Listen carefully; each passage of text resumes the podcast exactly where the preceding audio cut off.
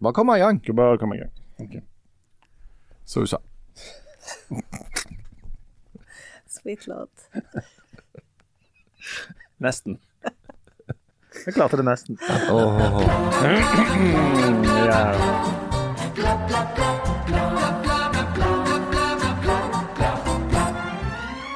Norge tjener masse penger på krigen i Ukraina. Skal vi sprette champagnen da, eller skal vi ha dårlig samvittighet? Vi har òg fanget en russisk spion, eller ikke vi, da, men sånne som fanger russiske spioner i Norge. Janne har med seg ei bunke med helt nye ord, og ærlig talt, halloween for voksne. Hva er det som feiler folk?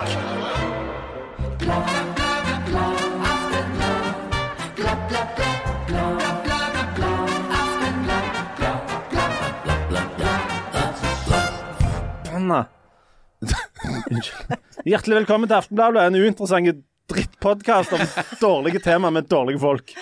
Det var veldig godt oppsummert, det der. Leif Tore Linde. Hva er det med deg? Nei, jeg, jeg øser med Når voksne folk må kle seg ut, da kjenner jeg at det koker. Voksne folk må jo ikke kle seg ut. Eh, Voksne folk viser det seg står litt sånn beskjemma nederst med trappa og ser på disse her stakkars må de ha tatt laken på.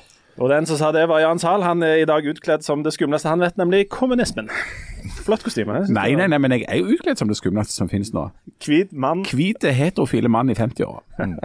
Det har- fins jo ikke noe skremmende. Ah, Mufasa. Vi har også med oss Janne Stigen Drangsholt, som er utkledd som kirketjener, som ikke kan med miksepulten. Veldig realistisk. Og så har vi Harald Birkvold, utkledd som respektert politisk kommentator, og du lurer ingen.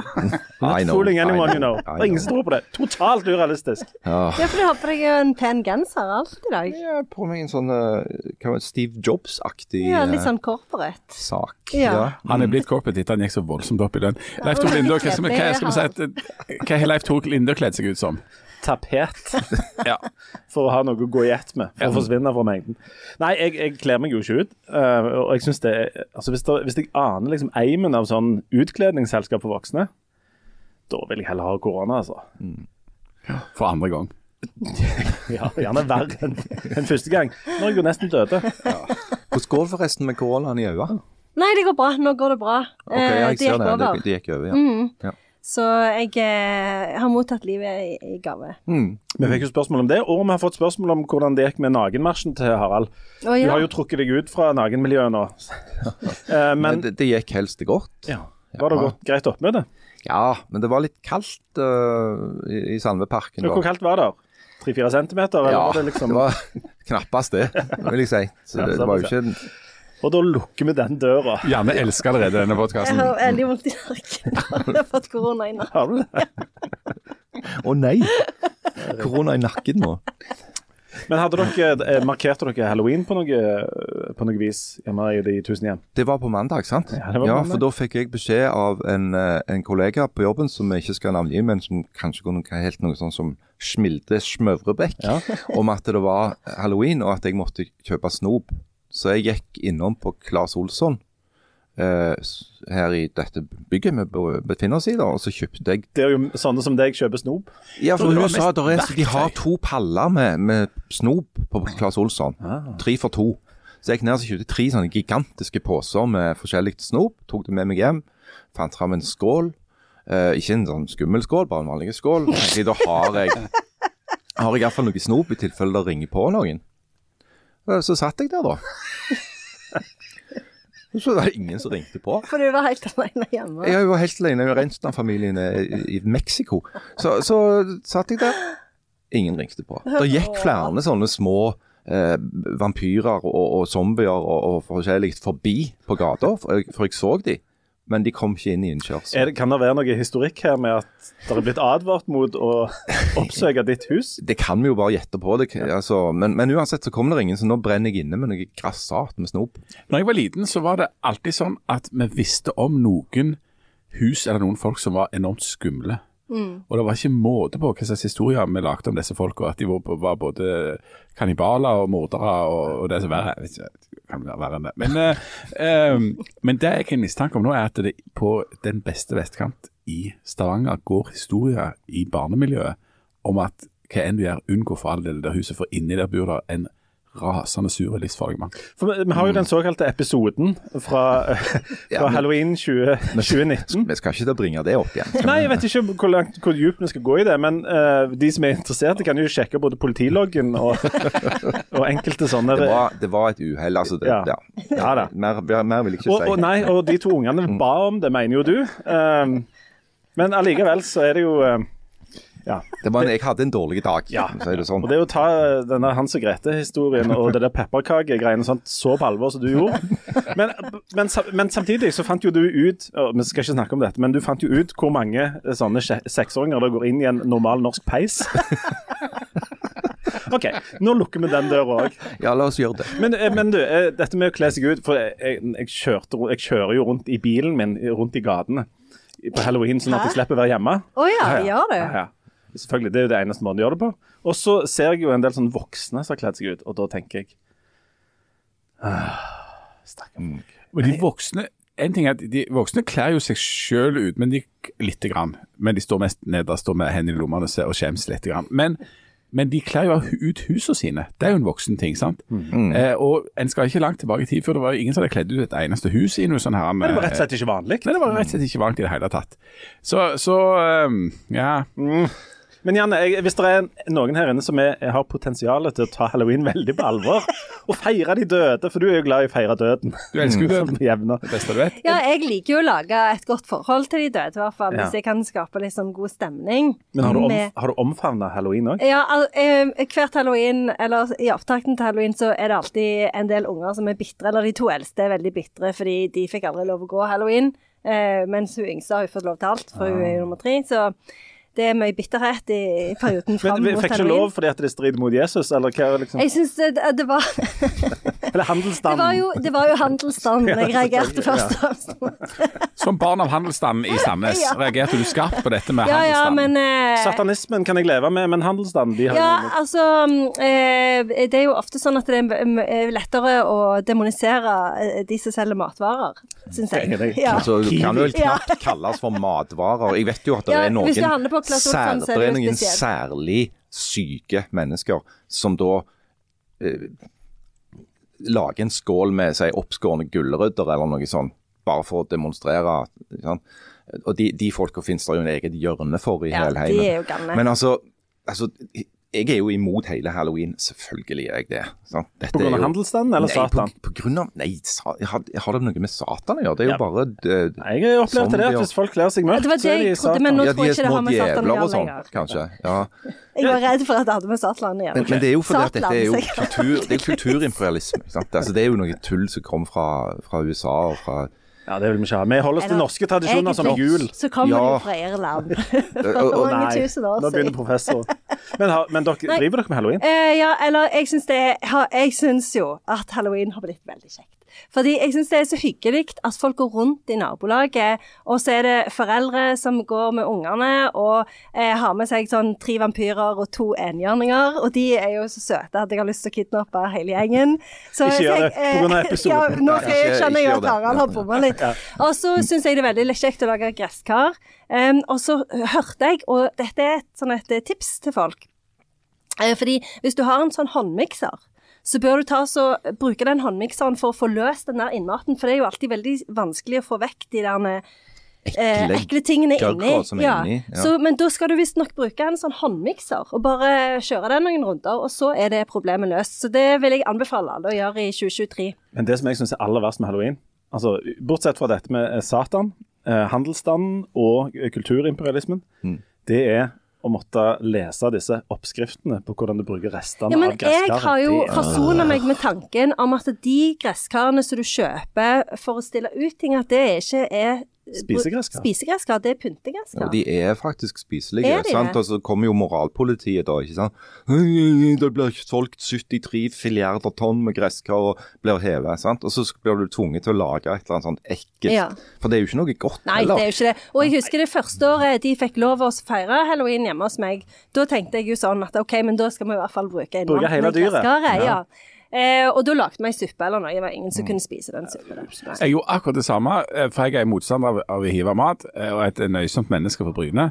Så da var jeg og, og fikk tak i en voldsomt avansert oppskrift fra han som drev kantina som var en ysla god kokk, og kjøpte inn på noen voldsomme råvarer og lagde til absolutt ingen ville ha det. Biringt er det. Biring. Det er biringt. Ja. det lukter jo ganske vondt. Jeg lager sånn uh, pasta med gresskar og gresskarssandwicher og kaker og sånt. Nei. Nei. Og så at du kunne gjør og salta disse her eh, frøene til å bli et eller annet akkurat minst like godt som chips i ræva. Og pluss at akkurat nå syns jeg faktisk det er vanskelig nok å bo her i Rogaland. fordi at vi i Sandnes kommune har de jo satt opp disse plastresirkuleringspunktene. Så nå Ja. må vi jo begynne å samle plasten i egne poser. Det er- de- Det er litt- vanskelig nå. Det er mye Ja, nå. jeg er sliten nå. Ja, er. De ringte jo fra Sudan, uh, og, og De, har, de samler inn penger nå i, i Sudan uh, til Sandnes, siden dere har det så vanskelig, for dere må levere inn plasten på et eget sted.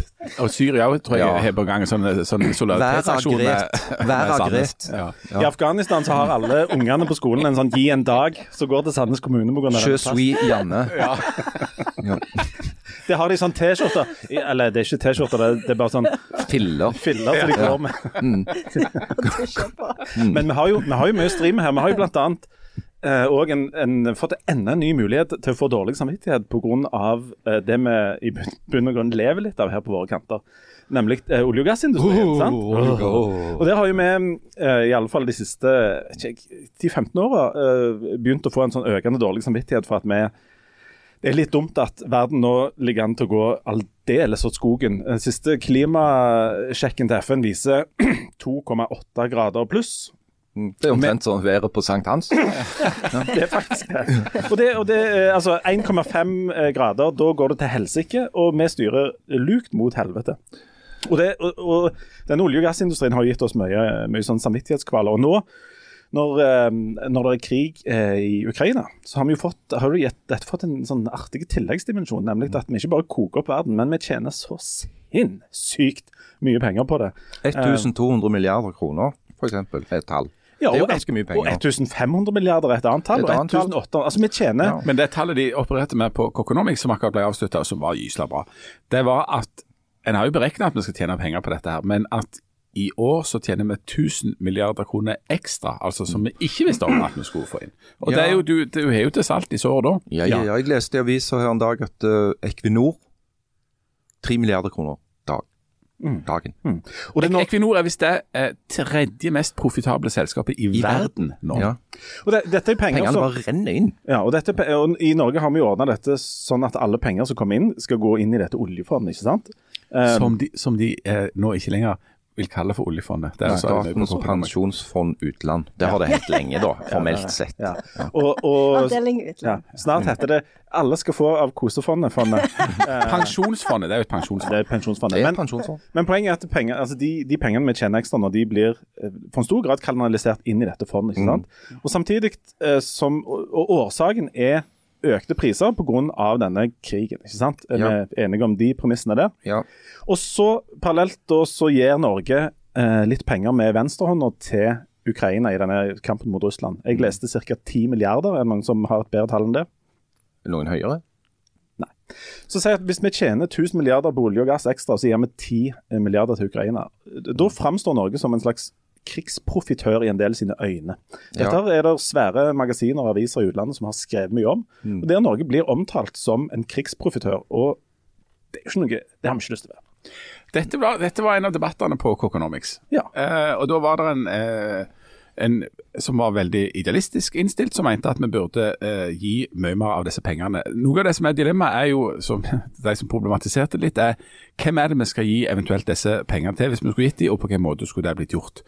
Eh, for det er eh, Pensjonsfondet, eller oljefondet, er jo en enormt lure investering. fordi at det ligger noen eh, utfordringer framover med å finansiere velferdsstat og utgiftssider i, i statsbudsjettet som gjør eh, det veldig lurt å ha opprettet et fond. Og Norge er jo et land som hele verden ser til ellers, som har vært veldig gode i å håndtere enorm rikdom. Det har jo vist seg å være kolossalt vanskelig for de aller aller fleste land som har fått store eh, rikdom, ikke minst pga. olje.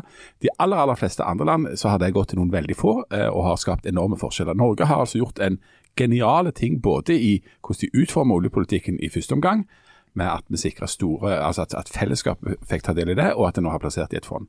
Og så er det jo OK, men hvis det da skjer noe helt sånn ekstraordinært, sånn som nå at vi da tjener 1000 milliarder mer enn vi hadde trodd vi skulle gjøre, Um, jeg tror de fleste ser at Norge da må bidra ganske aktivt, og med mer enn sannsynligvis de ti milliardene. Uh, det, det, tror jeg mange vil være enige i. Men, men, spørsmålet er hvordan du bruker det. For det er jo ikke sånn at du løser dette problemet med f.eks. bare betale en stor uh, lump sum med money til Ukraina. Ukraina er jo for det første i krig, så det er liksom, hva er det de trenger hjelp nå? Jo, det er framfor alt våpen og, og, hjelp til å håndtere dette her konkret. Men òg en, en oppbyggingssituasjon. Um, tidligere så har jo Ukraina slitt med, og det er ingen grunn til å tro at det har gått over nå, med f.eks. korrupsjon. Altså Det å bare sende masse penger til Ukraina og si at nå har vi betalt så mye der uten å være opptatt av hvordan de blir brukt, og være sikker på at de faktisk går til det de skal gå til, er jo ganske viktig. Det er òg snakk om skal vi gi det mer til Europa, da. Altså, altså subsidiere f.eks.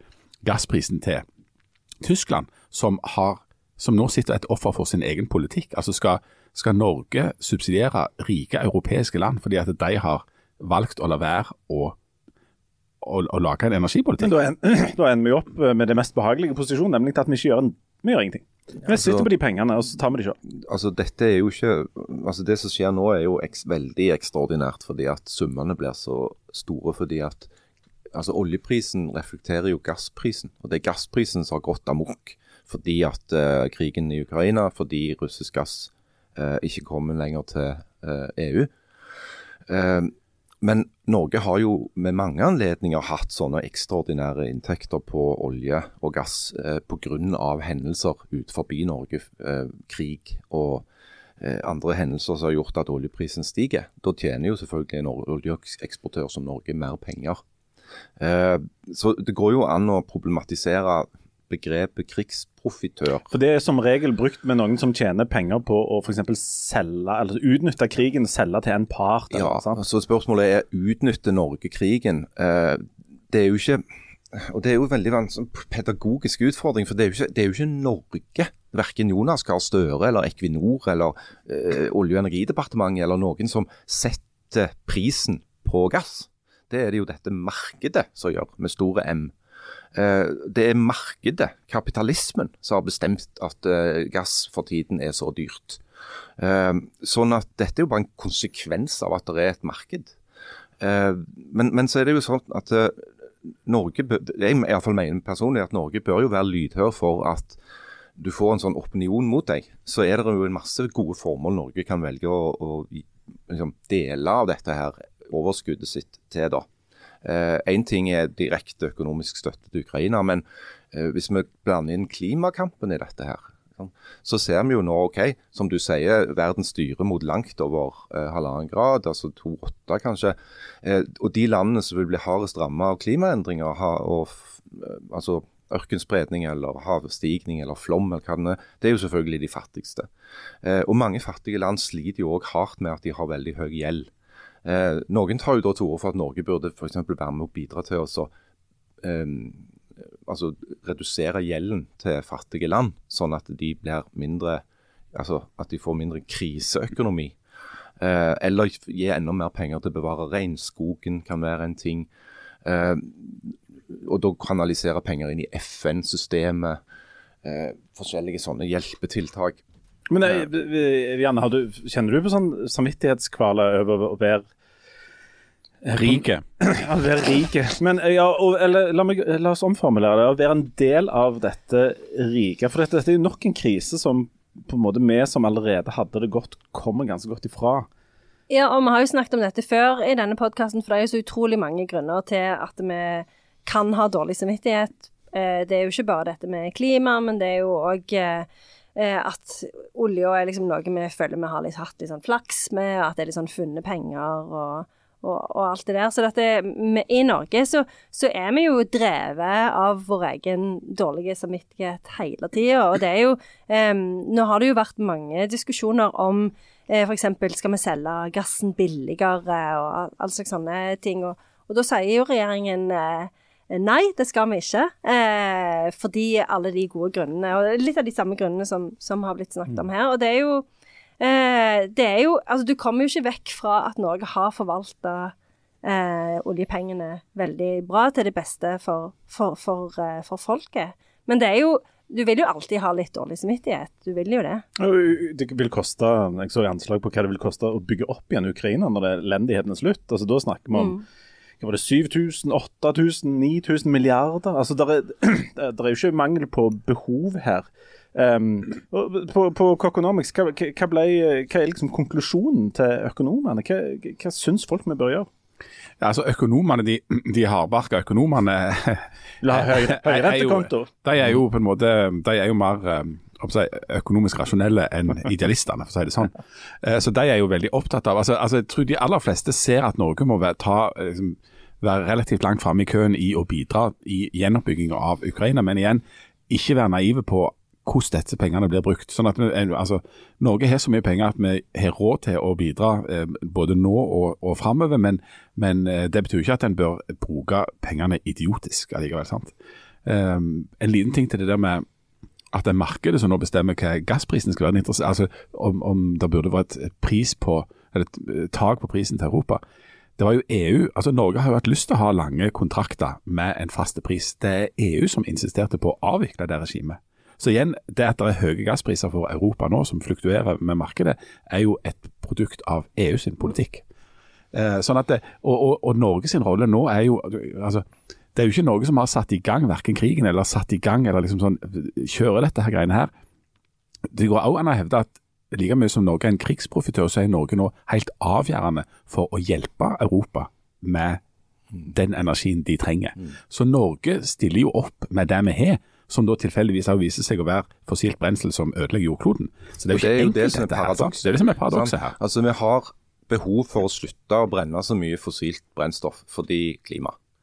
Men så viser det seg at de alternative energiformene de er ikke kommersielt lønnsomme, mange av de ennå. F.eks. havvind. Eh, og Da kan du tenke at den høye energiprisen som er nå, den hjelper jo de å bli eh, lønnsomme. Eh, og Nå er det en voldsom aktivitet for å sette i gang forskjellige fornybarprosjekter som ikke var lønnsomme med den la lavere eh, olje- og gassprisen som du hadde.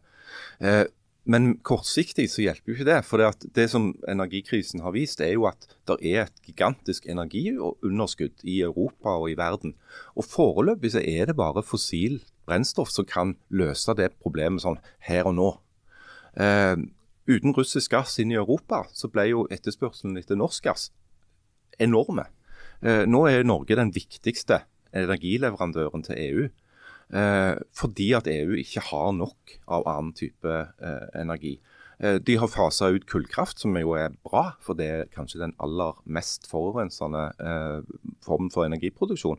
Men Tyskland har f.eks. vedtatt å legge ned hele sin kjernekraftvirksomhet. Eh, det skal fases ut nå i løpet av veldig kort tid. Som jo er eh, idiotisk på dette tidspunktet. Ja, du kan si at det er idiotisk på dette tidspunktet fordi at mm, du ser situasjonen som har oppstått. Uh, I tillegg så har du jo hatt veldig tørre uh, sommer i, i, store deler av Sør-Europa, som har gjort at vannkraften i Alpene er nesten på, på bånn. Og mange franske atomkraftverk har vært stengt pga. Altså planlagt vedlikehold. Så du får liksom et sånn sammenfall av masse omstendigheter som gjør at, at du får denne her uh, krisen. da. Men, det, men, det, er jo, det, er jo, veldig mange rasjonelle argumenter, og det er et marked. og mange, mange ting som skal operere samtidig her. Men eh, bør vi som jeg, jeg, tenker på dette litt som nesten som å, det der dilemmaet med å gi penger til tiggere. Altså, er, du, du, vet ikke helt altså, Det eneste som er 100% sikkert, det er at når jeg går forbi en tigger, så har jeg enormt mye ressurser i forhold til den andre. Altså, Det er noen sånn skjevhet der. og jeg eh, og Der er det også, mener jeg også at det er et sånn samvittighetsspørsmål til slutt om hvordan de som har mye, skal dele med seg til de som har mindre. Um, og I dette tilfellet er jo da, altså Ukraina er ikke et lutfattig land, men det er et, et land i en sånn ekstremt sånn prekær situasjon. Og Hvis vi tjener 1000 milliarder ekstra og gir 10 milliarder til Ukraina, uansett hvor rasjonelt det er, så ser det i mine øyne litt grelt ut. Er jeg den eneste som jo. syns det? Ja, men det er bare fordi du er sånn misjonærbarn fra Bhutan. Du må, du ikke... må gi mer i kollekt. Du må ikke la deg eh, påvirke av sånn dårlig samvittighet og føleri og, sy og symbol. Eh, det, er jo, det er ikke det som løser noen ting som helst. Du bør ikke gi penger til tiggere. Jeg, jeg hørte altså, altså, jeg, jeg, Men altså, helt seriøst. ja. altså, eh, Vi skal kanskje komme tilbake senere. Jeg var og reiste i Sør-Amerika. Der sitter det mye tiggere, der skal jeg love deg. Eh, alle oppfordringer fra alle som har peiling på det, var ikke gi penger til tiggere. Hvis du vil hjelpe i, i sånne fattige land, så må du gi det til hjelpeorganisasjoner. Det du gjør med å gi penger til tiggere, det er å oppfordre til tigging. Så du må Det- fikse systemet istedenfor? Du må fikse systemet. I Norge altså, i Norge betaler vi skatt, og det er meningen vi skal gjøre med glede. Vi har en voldsomt omfattende eh, velferdsstat. De sosiale problemene løses på den måten, ikke at du sitter og altså, stikker en, en, en 50-lapp til en tigger som sitter der og ikke jobber. Ja, jeg skulle si det samme. Åh, så Jan, det fordi jeg hørte en sånn en, eh, debatt om dette for en stund siden, og da sa de akkurat det samme som Jan. Eh, aldri Mm. Fordi det er fasiten. Ja.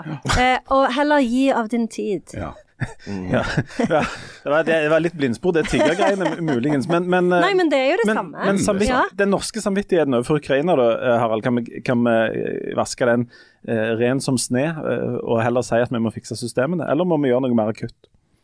Eh, så I den fasen som krigen i Ukraina er i nå, så er det Ukraina trenger aller mest fra Norge, er våpen. Eh, Det var alle økonomene til meg på økonomisk enige om. Det de trenger nå er militærhjelp. De trenger militærhjelp, eh, fordi at så lenge det er en aktiv krig i Ukraina, så vil ikke det være noen mening i å gi penger til gjenoppbygging. Eh, Du må få en løsning på den krigen. Eh, Og den løsningen er at eh, Ukraina blir satt i stand til å motstå eh, invasjonen. Når den situasjonen er løst, så vil det jo bli et snakk om et gjennombyggingsprogram for Ukraina. Forhåpentligvis i form av en eller annen form for Marshall-hjelp, sånn som Europa fikk etter andre verdenskrig. Eh, og, og da er det jo helt selvfølgelig, mener jeg, at Norge skal bidra. Man, Eh, Mandalshjelpen. Et stort internasjonalt møte i Mandal, og så eh, Det er klart Norge skal bidra, Ja. eh, og Norge kan bidra på mange måter. eh, Både med direkte pengestøtte, men òg med utviklingsstøtte, med at næringslivet går inn og investerer. Det er mange måter å gjøre det på. Eh, dessuten bidrar jo Norge allerede ved å ta imot eh, ukrainske flyktninger, bosette de, bruke mye penger på det. Eh, I tillegg så kan Norge støtte da organisasjoner eh, og det sivile samfunnet i Ukraina, og inkludert eh, arbeidet i Ukraina for å bekjempe korrupsjon. Og det, Da kan vi bare sitte Mandalshjelpen hørte dere her først, og det kommer til å bli Mandal kommune, i- ifølge kilder jeg ikke har snakket med ennå, er på ballen her og har Ja, booket det er jo bare å begynne å konferansesenter. bygge hotell. Ja, ikke sant? Ja. Ikke sant? Og så får vi ta neste krise når den kommer. Når, når vi først er inne på dette med kriser, eh, Janne, du, blant eh, mange ting som du bruker fritida di på, er jo å lese ordbøker. Du har jo lest hvor mange ordbøker er det? Tre eller fire fra perm til perm? Ja, Du kan jo enormt mange ord. Jeg kan Hvor mange kan mange du? ord. Eh, nei, jeg, har ikke telt. Men du sier som Donald Trump, I've got many words. I've got the best words. Er det mer, kan du mer eller uh, over eller under 200 år? Jeg kan, eh, jeg kan rett under 200. Rett under Ja. Ja, men det er jo bra. Men du sitter og leser disse ordbøkene, og no, noen ganger så dukker det opp eh, noen, eh, noen nye ord. Ja, fordi eh, jeg eh, Mest av alt så hører jeg på radio. Ja. Og i går så hørte jeg jo på Tweet of the Day, så ble jeg veldig lei meg fordi det handler om en sånn fugl som sugde blod. Og da lengta jeg veldig tilbake til dagen før, når de snakket om Canada-gåser. Ja. Som jo ikke suger blod. Koselig. Hva slags fugl er det som suger blod? Nei, det var en sånn som bodde på selvfølgelig Galapagosøyene. Er Der har de jo så en- mye løye. Det er en fink. Det er en av de artene som Charles Darwin Ja, det er studerte. helt sant, det er og det er pga. forskjeller på nebbene. Og denne finken har da begynt å bli eh, vampyr.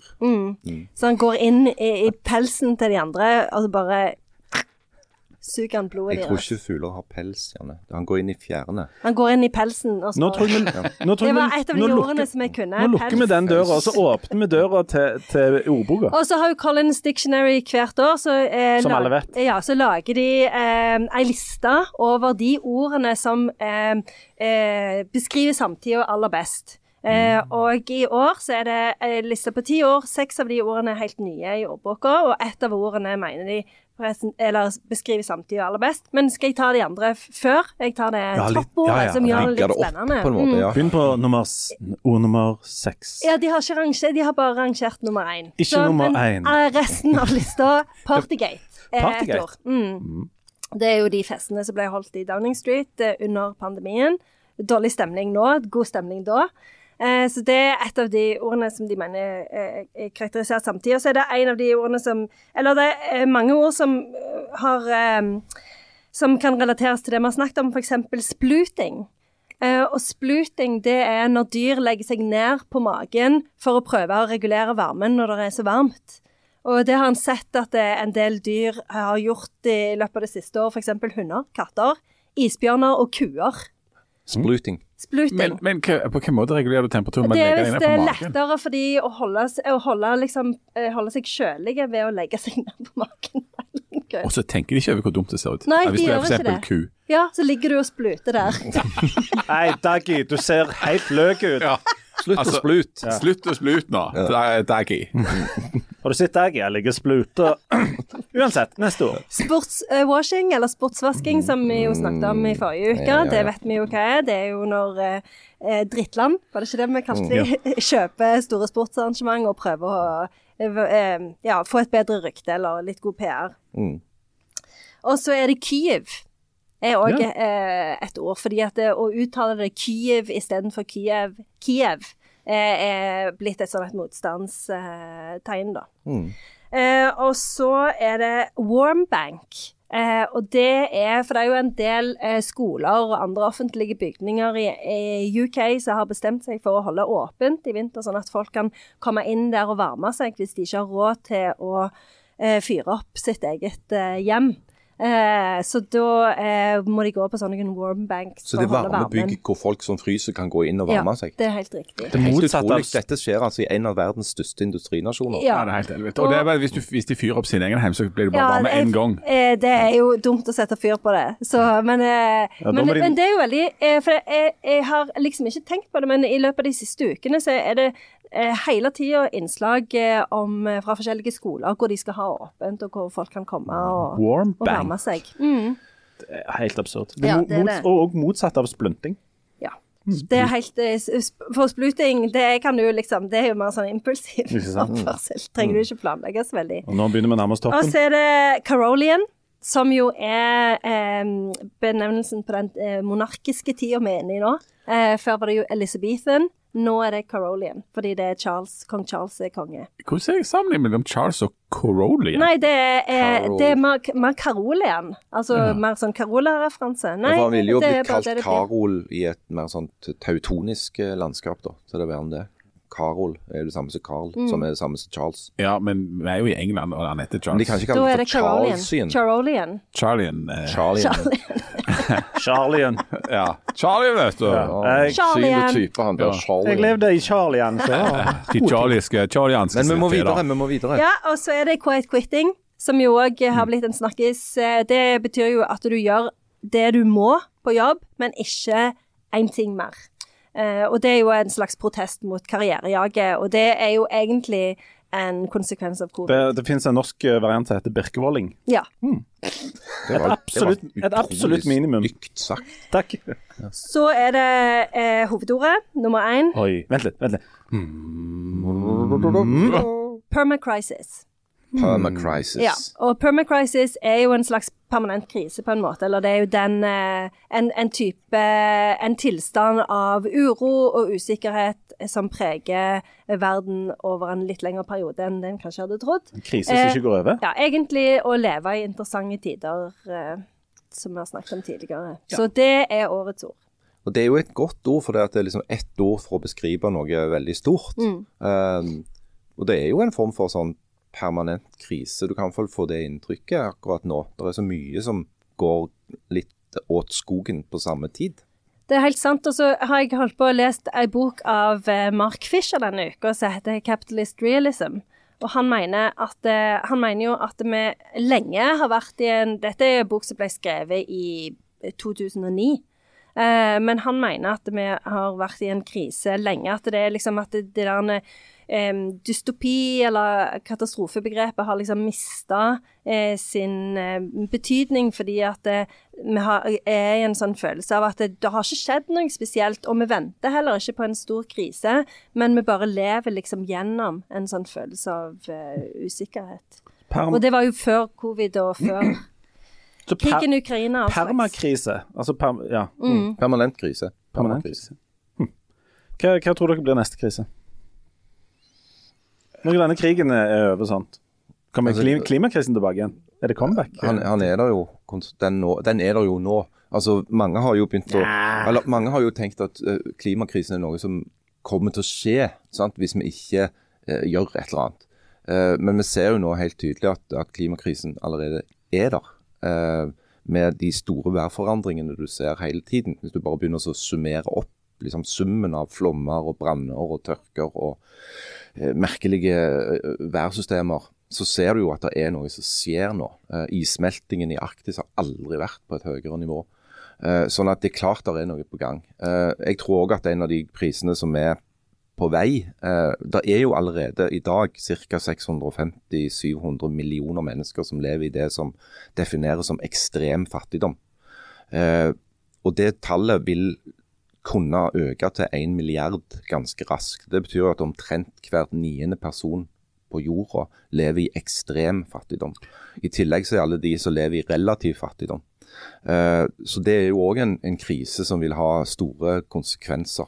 Samtidig som det tallet på det er vel, har vel aldri vært lavere. Altså det har jo en oppgang av altså en, en, en fattigdomsreduksjon. Det er jo det som har vært trenden de Nettopp, siste men den er i ferd med å snu nå. Ja, ja. Men- og det er interessant hvis det snur, for det, det har vært ja. Mark Fisher, ja, som jeg liker å snakke om nå, han er veldig opptatt av eh, eh, 11. september. At det var igangsatt en sånn en politisk krise som var på en måte begynnelsen av en ny kald krig. Var det i begynnelsen av permakrisen? En annen krise som jo er veldig tydelig ja, for nå var det ikke dårlig nok stemning, nei. Nei, altså En annen krise som er veldig tydelig og som er under konstant utvikling, er jo avviklingen av demokrati i veldig mange land. Eh, en stor del av verdens befolkning bor jo nå i land som ikke har eh, demokratisk styresett. og eh, Tendensen er dessverre at den går i feil retning. Eh, det mest dramatiske, men som er fullstendig tenkelig, er jo at USA eh, i løpet av eh, en periode utvikler seg til et ja, det du kan kalle for et mislykka demokrati. da, eh, Der du har så stor politisk splittelse at det ikke er noen eh, styringsdyktighet. Ja, men den dagen det blir til Gilead, så blir det i hvert fall eh, veldig sånn rene og flotte linjer og sånn estetisk Ja, det er jo tiltalende. mye fine farger. Ja, da men vi tenker litt positivt òg. Når vi skal ta en kjapp pause, når vi kommer tilbake igjen, så skal vi se på Vi skal innom noe som kanskje er litt positivt, som handler om valg. Og så skal vi snakke om spionering. spionering. Ah, spionering, det er greit. Vi er øyeblikk tilbake.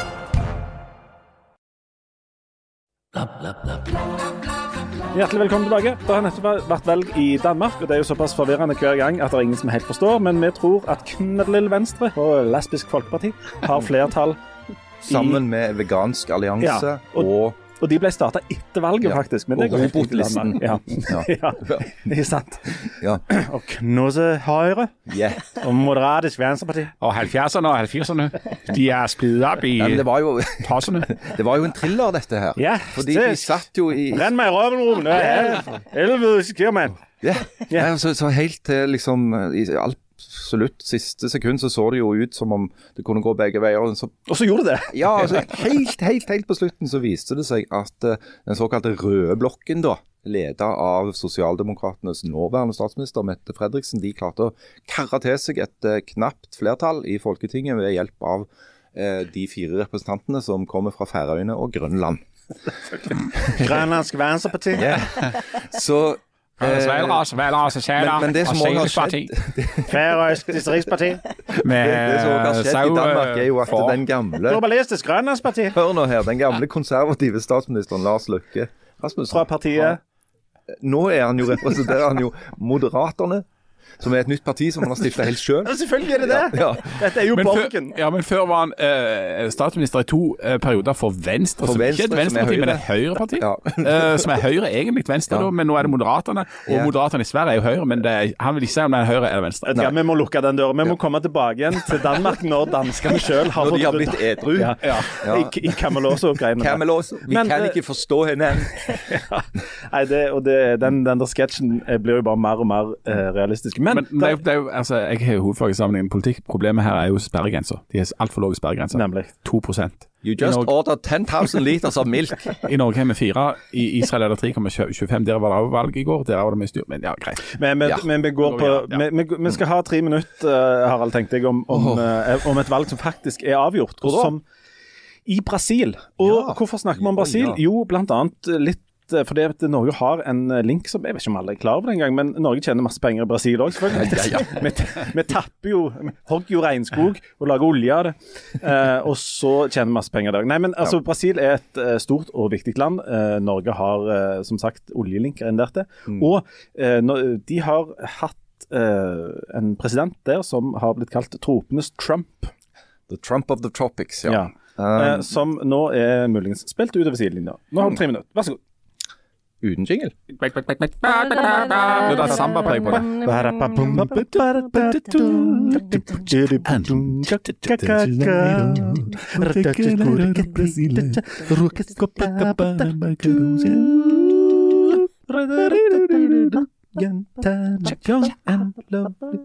Young 77 år gamle Lula da Silva han vant altså presidentvalget i Brasil med knapp eh, margin mot eh, den sittende presidenten Jair Bolsonaro, som er ti år yngre.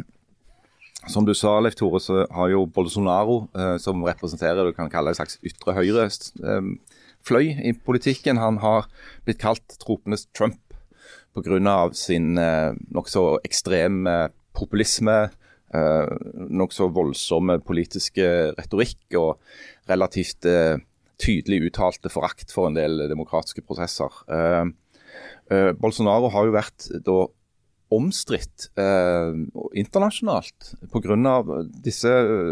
denne her eh, veldig begeistringen han hadde for, for, Donald Trump. Men samtidig så har han jo vært relativt populær i store lag i, i Brasil. Bl.a. med et sånt lov og orden-budskap og en ganske sånn uttalt nasjonalisme. Eh, men i tillegg så er jo Jair Bolsonaro en erklært klimaskeptiker. Jeg har ikke noe tro på dette med sånne klimagreier. Så, eh, og ikke vært så veldig bekymra for eh, avskogingen. Og det som er med Brasil, altså det er jo verdens femte største land i areal. Eh, gigantisk. Eh, og det syvende største i folketall. Eh, og regnskogen i Amazonas er liksom et av de der våpnene som verden ennå har i kampen mot klimaendringene, fordi at skogen eh, binder så enorme mengder med eh, CO2. Trekker den ut av atmosfæren og lagrer den i skogen. I tillegg så er jo den, eh, altså regnskogen i Amazonas er det mest sammensatte og kompliserte økosystemet på jorda, med et enormt artsmangfold. Eh, veldig viktig da, for, eh, for eh, den samla naturverdien i verden, kan du si. Og ikke minst er jo skogen òg hjemstedet til urbefolkning som har bodd der i tusenvis av år, og som opplever stadig vekk at leveområdene skrumper inn. Og Det er jo illustrerende at siden 1985 så har over 440 000 kvadratkilometer med regnskog i Brasil blitt hogd ned. Det er et område betydelig større enn hele Norge. Eh, Lula da Silva har jo sagt at han ønsker å eh, sette ny fart i arbeidet med å beskytte regnskogen. Eh, det tror jeg ikke han vil klare, med mindre han klarer å bekjempe fattigdommen i Brasil. Fordi at avskoging og fattigdom henger nøye sammen. Eh, arbeid i skogen, med, gjerne på ulovlige eh, plantasjer med ulovlige gruvedrift, er en utvei for mange desperate mennesker i Brasil som trenger å, å brødfø seg. I tillegg så er det stor, eh, eller utbredt korrupsjon som gjør at en god del avskoging skjer til tross for at det har blitt f.eks. verna områder. Eh, så her har jo Lula en svær jobb foran seg. Eh, han har òg ikke spesielt stabil støtte i parlamentet i Brasilia. Eh, sånn at han vil måtte jobbe hardt for å samle en allianse bak eh, forsøk på å, å berge regnskogen. Eh, fordi det er jo sterke kapitalinteresser som jobber mot f.eks. kvegdrift, som tar veldig mye skog, og gruvevirksomhet, som tar veldig mye skog. Så han har en jobb foran seg, og han er jo òg en relativt gammel mann. Han er snart 80 år. Eh, forrige presidentvalg så satt han i fengsel eh, på en korrupsjonsdom. Eh, den dommen var omstridt når han ble avsagt, og han er siden blitt opphevet. Men det er fortsatt et åpent spørsmål. altså Det kan jo godt hende at Lula de Silva i et gjennomkorrupt land òg har hatt fingrene borti ting han ikke burde. og Det vil jo bli brukt mot han da, av hans politiske motstandere konstant. så, så, han har en stor jobb foran seg. og, og Norge har jo en link til dette, både når det gjelder med at Norge har prøvd å ta en sånn rolle når det gjelder dette med, med klima. da, ikke sant, Regnskogfondet ikke sant, har satt av penger til.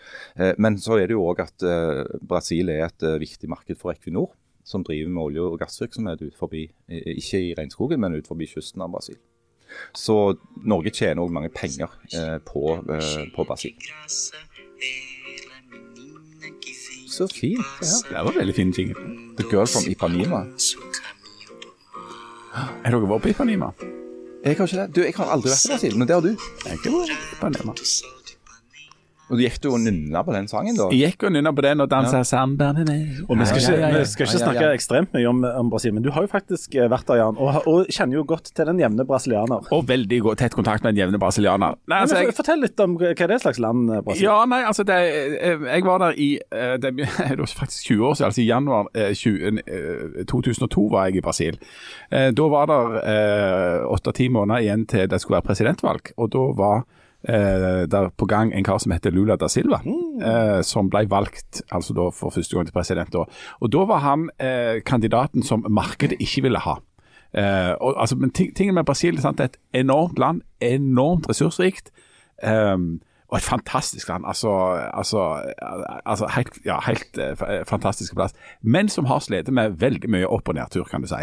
Altså, og enorme forskjeller. og og De forskjellene de, de ser du jo helt sånn konkret f.eks. i Rio de Janeiro, eh, med disse enormt eh, de, rike og flotte og, og strendende områdene og sånt. Og så oppe i fjellsida, der ligger favelaene, som det er eh, kolossalt mange av. Og En favela er altså en slags bydel som har bygd seg opp nærmest av seg sjøl. fordi at ja, det, var noen sånne regler der da, om at hvis du har bodd på en sånn plass eller lagd et hus og har klart å, å, å holde, holde ut der uten at noen har kasta deg ut i 20 år, så, det, så eier du den grunnen. Og Det er sånn de fattige på en måte har klart å, å, å, å, komme seg til rette. Men sant, de sliter med eh, Det var lenge et militærdiktatur fram til godt ut på 80-tallet. Brutalt, eh, forferdelig. Store forskjeller, enorme kriminalitet, enorme korrupsjon. Akkurat da vi var der, så var det en voldsom optimisme. Uh, og liksom at nå skulle, det, nå skulle det bli bra. Det er det jeg ser med ofte sånne land som det går litt opp og ned med det, og ringt med. At, at eh, det er mye depresjon, men det er òg mye optimisme. Og, og, og Lula fikk til en hel del ting da. Han klarte jo på en måte selv om markedet advarte mot han, så kom han jo inn og, og, klarte å levere ganske godt. Han gikk visst av med en sånn eh, rating, altså popularitetsrating på 80% mente han gjorde en god jobb når han gikk av. Eh, så han var eh, veldig populær. Det. Men så har du da fortsatt etterpå med å gå opp og ned. Og, og, og, og det underlige er jo nå da at han Jair Bolsonaro han ble jo ikke valgt med en veldig liten margin. Sant? Altså, det var jo ikke noe eh, så, det, Nei, det, Det var så vidt over 50 det var så vidt over 50 sant? Eh, Sånn at det viser jo at, at eh, Brasil òg da, som mange land og f.eks. USA, er veldig splitta, og at du har disse religiøse og konservative og tradisjonelt orienterte eh, som, som eh, er veldig konservative, eh, imot da Lula, som er ganske radikale. Så eh, Men Brasil er et av disse landene som, eh, hvis verden skal gå i en positiv retning, så må vi ha med oss sånne land som Brasil.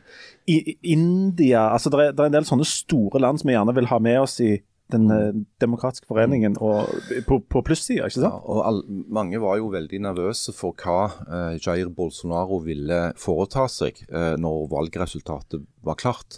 Ville han eh, etterligne Trump og, og, og hevde at eh, nederlaget skyldtes eh, valgfusk eller andre typer juks, eller ville han eh, si at han, eh, han godtar eh, folkets valg? Og Så holdt han en tale natt til i dag. Eh, Bolsonaro, eh, hvor han snakket om at han ville respektere demokratiet, men han sa ikke rett ut at han eh, på en måte erkjenner at eh, Lula har vunnet. Så det gjenstår å se. Du kan jo håpe at det blir en, en fredelig eh, maktovertakelse i, i Brasil, fordi at Silva skal jo ikke ta over før årsskiftet. Og Det viktigste i den store sammenhengen med Brasil er jo at vi nyter godt av olje- og gassressursene, sånn at vi kan bli enda litt rikere. Og sånn at vi kan eventuelt i framtida bidra til penger til sånne store, store strukturer i verden som muligens kan gjøre en forskjell på lang sikt. Nå må du huske på at i Brasil så er det jo sånn at den brasilianske staten òg tjener gode penger på eh, olje og gass. Eh, så de har jo, altså til forskjell fra en del andre eh, oljeland, eh, f.eks. Angola, hvor Equinor også har stor virksomhet, så, så har jo Brasil faktisk eh, en demokratisk struktur. eh, og har eh, et olje- og energidepartement og et skattevesen som sørger for at de får litt inntekter. da. Og der og så dukker det opp noen brasilianere i Norge, gjerne for å spille fotball. Eh, vi har jo hatt, eh, hatt mange gode brasilianske fotballspillere her. Og fra en uke siden så var det en eh, brasiliansk statsborger, eller var han det, på 37 år som ble pågrepet på vei til jobb i Tromsø. Altså PST. Aziz Jamaria. Ja. Og hvis ikke, du, hvis ikke det er en offensiv venstreback, så forstår jeg ingenting. Nei, nei, Så viste det seg at God han, på små flater. ja, han her var muligens litt for offensiv på venstrebacken der, og veldig god på små flater. For PST mener at denne mannen egentlig jobber for ikke brasilianske, men russiske myndigheter.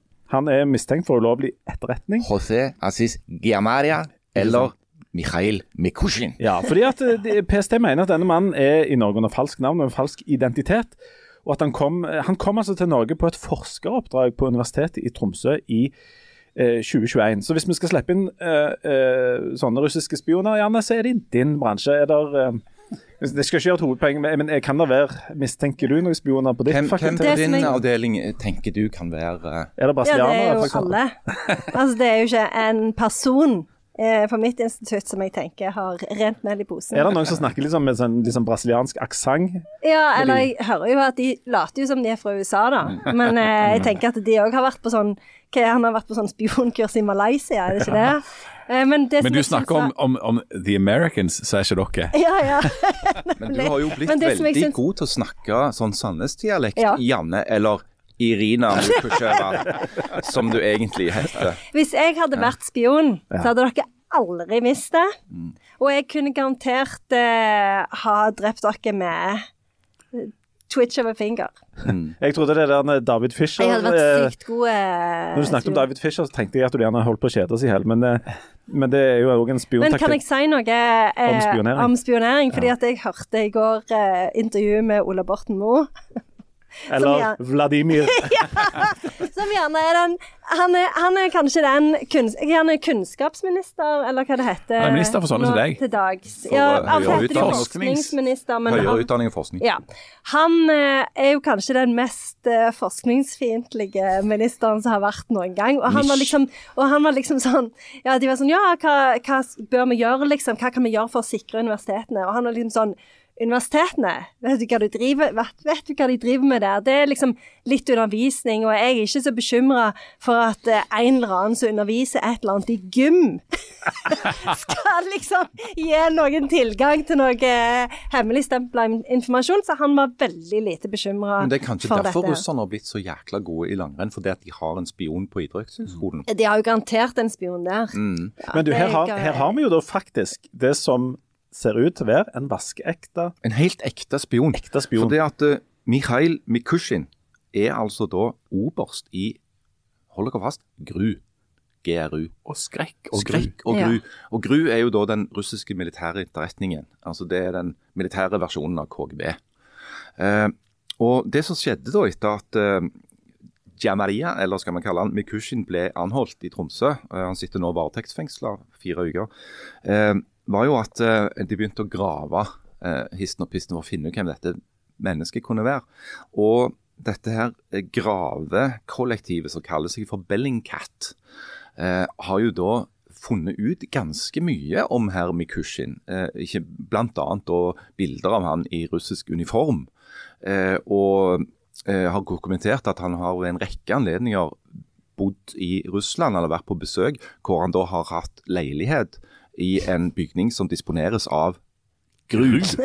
Uh, så, så det er jo ting Vent nå litt! ja, det er indisier på at han muligens ikke er José Atiz Jamaria, men altså i virkeligheten en russisk eh, Men det agent. som er så gøy, for det, NRK skulle jo òg drive med litt sånn gravejournalistikk, og det besto av at to journalister satt ved en pult og kjørte sånn bilder, sånn face recognition-program gjennom Facebook, og forklarte seerne hva dette dreide seg om. Så det er jo eh, mye sånn triste gravejournalistikk som foregår for tida. Men eh, ja, det, dette er jo, det, dette er jo sånn eh, kald krigen-shit. Altså, dette er jo Nå, nå snakker vi litt eh, trøkk i trompeten her på krigen i Norge. Ja, vi gjør jo det, og, og det er jo Altså, jeg tror altså, Dette er jo sånn som det ble lagd TV-serier om, sant? altså The Americans da, som det beste eksempelet.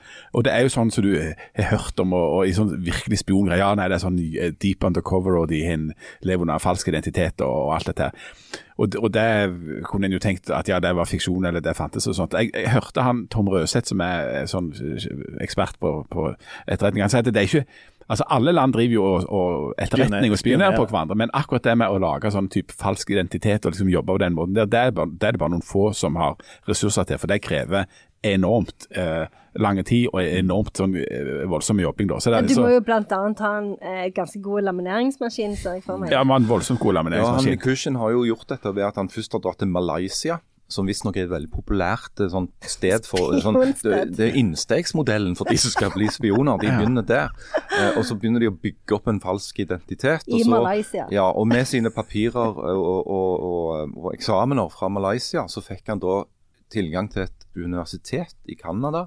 Han var i USA. Eh, og siden så kom han jo da til Universitetet i Tromsø med en utdanning fra Canada. Eh, og jo mer sånn du har, altså da har du jo altså Det er som er spion, eh, liksom, hemmeligheten her. At du har en, ganske mange ekte papirer. sant? Mer og mer ekte papirer, en mer og mer troverdig historie. Som gjør at du til slutt liksom da kan bli godkjent uh, som forsker på et universitet i Norge, eller kanskje som eh, ansatt i et norsk selskap. Jeg tror vi er veldig naive hvis vi tror at det, det bare var Mikushin. Jeg er helt sikker på at det er illegalister, som de kaller de da, eh, i, i Rogaland. Fordi at vi har eh, olje- og gassvirksomheten her. ikke sant? Viktig infrastruktur styres herfra. Eh, store, viktige selskaper. Vi har Nato sitt operative hovedkvarter på Jåttå. Det er mye her som russerne vil være interessert i å komme på innsiden av. Og til og med kanskje universitet og forskningsmiljøer som sitter på verdifull informasjon. Eh, Ikke hjerne, ikke hjerne sin avdeling. Jo, altså Det er metafor, det er symbol, Ja, det er Alliterasjon, for ikke å snakke om det. Don't Ikke get sant? me started Ja, det, er, det, er det er Vladimir i Stavanger. De har funnet ut Du kan si I is. På gatespråk. men, men tingen er, sant, både oljeindustrien og akademia er jo internasjonal, så det er jo forskere eh, inne på gjesteopphold både, altså fra Ja, ja, masse absolutt. forskjellige land. Eh, og eh, det er sant, Iran, Kina, altså. Ja. Så dette er jo en, eh, en, en balansegang. Det har jo vært en bekymring som har vært uttrykt før det, f.eks. når det gjelder eh, kinesere i Norge. eh, kinesiske studenter, eh, kinesiske forskere. eh, om, om de da har tilknytning til det kinesiske regimet. Men, men det, de, de er jo i det minste kinesere, da. Ikke sant? Altså, de påstår jo ikke at de er fra, fra Vaulen. Eh, jo, men det kan jo godt være at de ikke er kinesere. De kan jo være fra et helt annet sted. De kan jo være fra Mongolia eller hvor som helst. Vi kan jo ikke vite det. Mener du at alle liker Jeg syns ikke vi skal Ja, det- jeg, tror vi, jeg tror vi lukker den døra der. nå- nå ble dette Men jeg Ja, men du trenger jo ikke se ut som du Han, han, han der russeren ser jo ikke ut som han men nødvendigvis er fra eh, Han identifiserer seg som brasilianer. Ja, og ja, hvem er du til å si Nei, nei, nemlig. Men jeg- du trenger jo ikke se ut som det landet hvor du sier at du er ifra. Men det der med de der ekte papirene Når vi spionerte, meg og Kjartan uh, Når jeg var På fem, seks, ja, ja. seks-syv år, så var var det ikke snakk om universitetspapirer. Det sentrale, eh, og det som gjorde at Kjartan var en mye bedre spion enn meg, det var at han hadde i et Donald-blad fått en sånn en kikkert, så du kan se over sånn, en så kant. Husker dere den? Ja, ja, ja. Du kikket inn sånn, så var det en sånn, sånn, Den var utrolig eh, sånn verdifull. periskop. Ja, så jeg så jo, sånn avis med, med hull i. ja. Så du kan Men når Kjartan hadde det, hadde det der apparatet, jeg var sjanseløs som spion. Og jeg burde jo satse på å ha mye mer papirer, f.eks. ha en sånn gangesertifikat eller noe som jo Jeg er helt sikker på at han Mikushin hadde en sånn en kikker. Pluss du må jo ha sånn kodebrikke. Sånn at du kan, sånn som du var i sånn. Mikkes eh, spionklubb. Ja, ja, Nei, sånn at sånn, du ja. kan liksom desifrere når du får koder. Ja, Altså, og så sånn, sånn usynlig blekk som som en sånn appelsin så, Mm. eller sitronsaft. Men, eh, men, eh, men som sagt, så de tok opp det der med folk fra Iran og andre steder i det intervjuet, men Ola Borten Moe er ikke bekymra, fordi kunnskap finnes ikke på universitetene, og jeg driver bare med gym. ja, Jeg syns det er at Ola Vladimir Moe ikke er, er opptatt av dette. Nei, det er ikke mistenkelig i det hele tatt. Men jeg, jeg synes Forskning, småskning jeg, har- jeg vet ikke. Men det er jo veldig stort, eh, for vi har jo snakket om det før, at det er alltid så mye fokus på individet og hva du kan gjøre sjøl. Og nå har vi jo blitt bedt om å følge med og se om vi ser mistenkelige ting. Og det syns jo jeg òg er litt sånn Det er jo litt vanskelig å Du må jo følge veldig med. Du må jo være på hele tida nå. Ja, altså, vi, når vi begynte, med en gang vi begynte å snakke om spionering, nå, så begynner Harald å peke på klokka og si jeg er nødt til å gå. Ja, det var Jeg bare stiller spørsmål. Det må være lov. Jeg blir så travel når jeg sier at med min jeg kan ikke si hvem de er nøyaktig. Men de er en kontrakt. Altså, du, du eh, Harald, er jo, har jo òg dette klassiske russiske skurkeutseendet. jeg bare lar den henge der. Og så Jeg ser eh, at Harald har lyst til å drepe oss nå. Ikke sant? Og vi, og vi, men vi har jo òg vår egen eh, spion, eller en slags undercover-agent. Men vi har jo valgt å plassere han ikke i politikk, men i, mer i akademisk retning.